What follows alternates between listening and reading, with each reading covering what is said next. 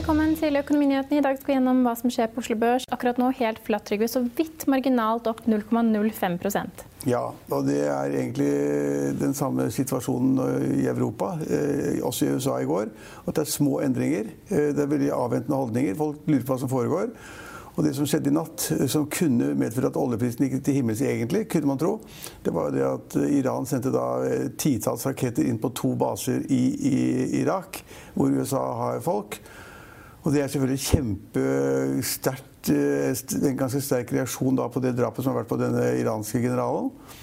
Eh, så til å begynne med i natt, hvis man fulgte litt med, så gikk da oljeprisen brentoljen gikk faktisk over 70 dollar per fat. Og nå ligger den på 68 dollar per fat. Den har vært nede på 67-tallet. Ja. Det ser ut som markedene tenker at ok, selv om da Iran på en måte tok tilbake, eller angrep da USA-stillinger i Irak, som er ganske alvorlig. Og hvis det hadde dødd mange mennesker, så hadde det vært jeg, en stor katastrofe.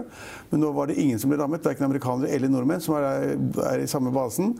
Så på en måte så jeg vil si Det er ganske forunderlig at oljeprisen på en måte da holder seg såpass lav, ikke går over 70 dollar på fat, og at børsene verden over ikke reagerer. Så Det ser ut som børsene verden over er kjempeavventende til om er dette skummelt, vil det skje noe. Donald Trump skal ha en pressekonferanse om da det som skjer i Iran i dag. Han sier kanskje et eller annet om at USA da ikke vil eh, ta igjen mot Iran pga. at Iran sendte raketter mot amerikanske styrker. Det er spennende. Og eh, Da kan man tenke seg liksom, at okay, verden er helt avventende. Ingen tør gjøre noe. Ingen vil kjøpe masse, ingen vil selge masse. Man avventer markedene. Og det er det samme som skjer på Oslo Børs. At det er veldig få endringer av betydning. Vi har sett at eh, kanskje den aksjen som da på et stort selskap som da har reagert på da en pressesak i i Finansavisen, hvor da eh, Frontline og tankmarked blir kjørt kraftig opp. og man viser til at markedsratene er veldig mye høyere enn det var for kort tid siden. Og at, tankfest står det vel? Tankfest står det, og at, og at Frontline, hvis da disse ratene holder seg på det nivået de er nå. Og ut året så vil da pengene strømme inn i kassa til Frontline. Frontline kan jo tjene opptil 10 milliarder kroner. Ja, det hvis det er riktig. Hvis, hvis ratene holder seg, og hvis alle skipene er beskjeftiget, og hvis, hvis, hvis. Uh, men de har ikke fått da front, det er mitt poeng at Frontline-aksjen har ikke gått mer enn 2-3% på den ganske kraftige meldingen. Så det betyr at selv der hvor man på en måte har underliggende rater å vise til, underliggende inntjening å vise til, så er markedet ikke veldig mye opp. Nei. Men vi har også andre aksjer som har reagert opp på nyheter i dag. Targovax, et selskap som vi har hatt besøk av i studio, de har inngått en opsjonsavtale med et legemiddelselskap i Kina for videreutvikling og lisensiering av to vaksiner. Ja, altså det, er, det er et bitte lite selskap. Ja. De har forstått det, så har de da inngått en avtale med et kinesisk selskap hvor da dette selskapet kan få retten til å distribuere denne vaksinen. Eh, og hvis da de utløser opsjonen, så skal de da betale Targovax da noen, 3 millioner, 3 millioner kroner, kroner, eller dollar. Eller sånn. ja, så det er et lite beløp. Det var vel 250 000 dollar? Ja, det var et veldig ja. lite beløp. Ja. Det der gidder jeg ikke bry meg om engang. Men det var et lite beløp, da, men da vil da Targovax få noen penger i kassa. Ja, og aksjen er opp 12% Så det er en av vinnerne. Ja. Og så er det Prosafe som da er et såkalt hotellselskap, eller et boreflotellselskap, da, hvor de har 10-12-13 rigger hvor da folk bor og er servicesystem for da rigger som borer etter olje. Og den har vært opp 20 i dag. Og det tror jeg skyldes at de har vært noen fusjonsforhandlinger. Jeg husker ikke det helt fra før jul.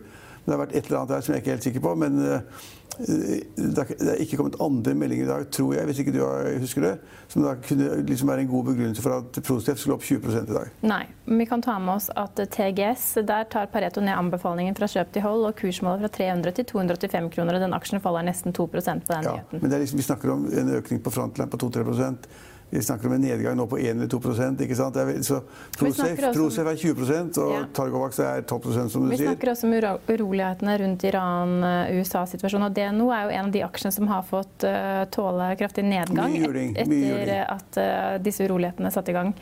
Jo, men det er naturlig, for de har jo da sine områder i Nord-Irak, som er Kurdistan.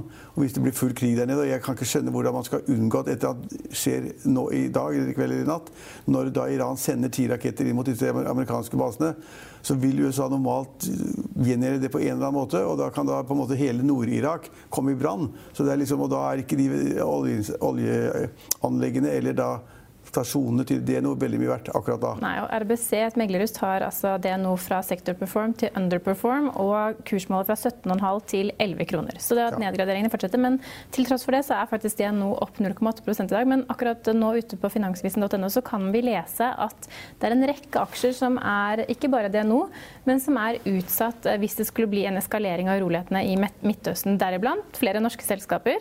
Vi ja. har nevnt eh, Frontline. De har skip ja, altså, i området. Det, det, er massevis av selskaper som da vil bli påvirket eh, hvis, det, hvis det skjer en eskalering av konflikten. Altså Hvis ja. USA på en måte begynner å angripe nye mål i, i, i Iran.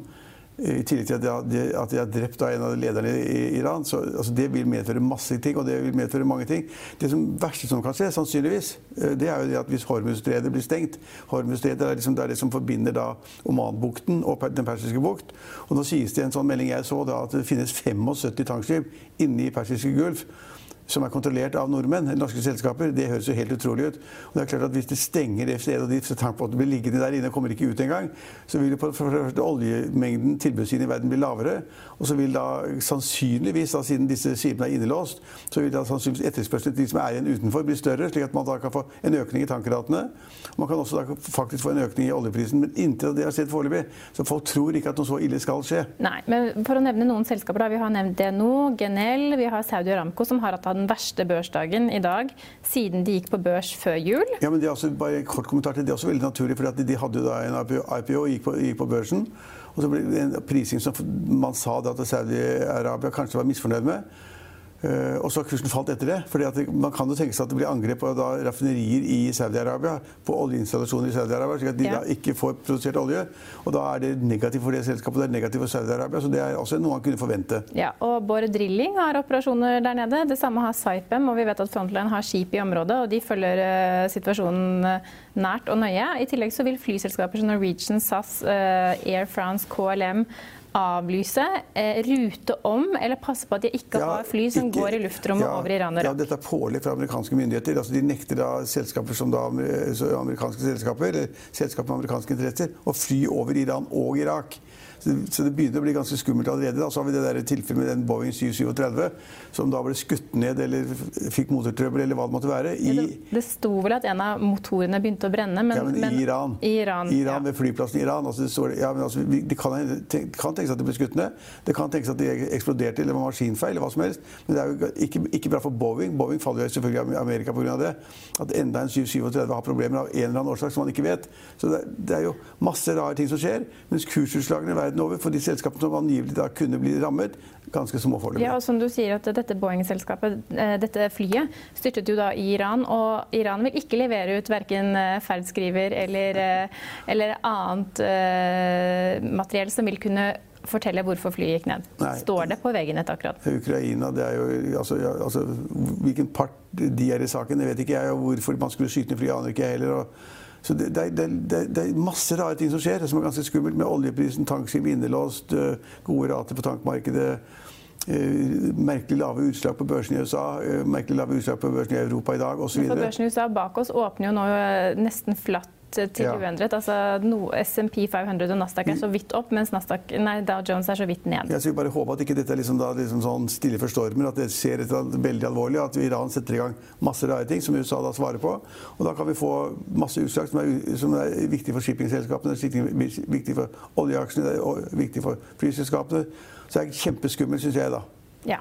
Men vi har, vi har, en liten sektor som er litt opp i dag. Også det ganske, men vi, altså vi må si bare to ord om oppdrettsaksjene. fordi at eh, De siste prisene fra første uken eh, i år viser da det at det blir solgt laks for 76 eller 78 kroner. Det er en veldig høy laksepris. Veldig høy. Og markedet er litt opp for noen, men ikke alle. Nei. Og, det, og veldig mye fokus er rettet inn med hva selskapene kommer til å levere for fjerde kvartal. For nå ja, slipper de det ene selskap etter andre slakterapporter og, og en sales-oppdatering. Men man skulle jo tro at markedet var litt opptatt av de prisene de oppnådde i år. Første ja. uken så det, var det 78 kroner eller 76 kroner eller sånn nå. Det er ganske høy pris. Ja. ja så, og, ja, hvis vi da ser på oljeaksjene våre, altså da ja, ja, Equinor, Equinor er jo opp i dag. 0,7% ja, men så har ikke BP vært litt ned og sånn. Så det er, det er mix, altså det er veldig små Vanskelig å lese markedet. Nettopp. Det er konklusjonen. Ja. Små kursutslag, kjempevanskelig å lese, og det er masse rare ting som foregår. Ja. Og det som også foregår i dag, er NHO-konferansen. Og vår finansavisen-journalist Linn Marie Hammernes har snakket med Øystein Dørum om hva han tenker om det som skjer mellom USA og Iran akkurat nå. Hvordan vil Iran-situasjonen virke inn på økonomien fremover?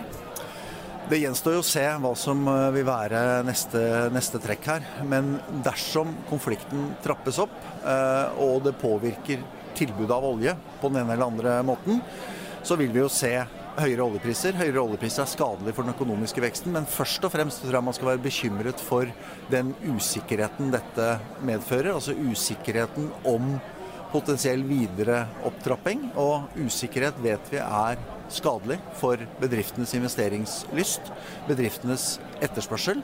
Eh, og jeg tror ikke det. Vi, snakker dramatiske konsekvenser for, eh, for, verdensøkonomien. Den viktigste koblingen fra Midtøsten til resten av verden går jo gjennom oljeprisen. Og det ser jo ut til at verden tåler høyere oljepriser bedre nå enn den gjorde, gjorde tidligere. Men, men, spenningene og usikkerheten eh, kan ha betydning for aktiviteten. Hvor lenge kan det vare? Det har jeg ikke peiling på. Vi er tilbake i morgen klokken 15.30. Da har vi med oss Thomas Nilsen fra First-fondet i studio. Følg med oss igjen da.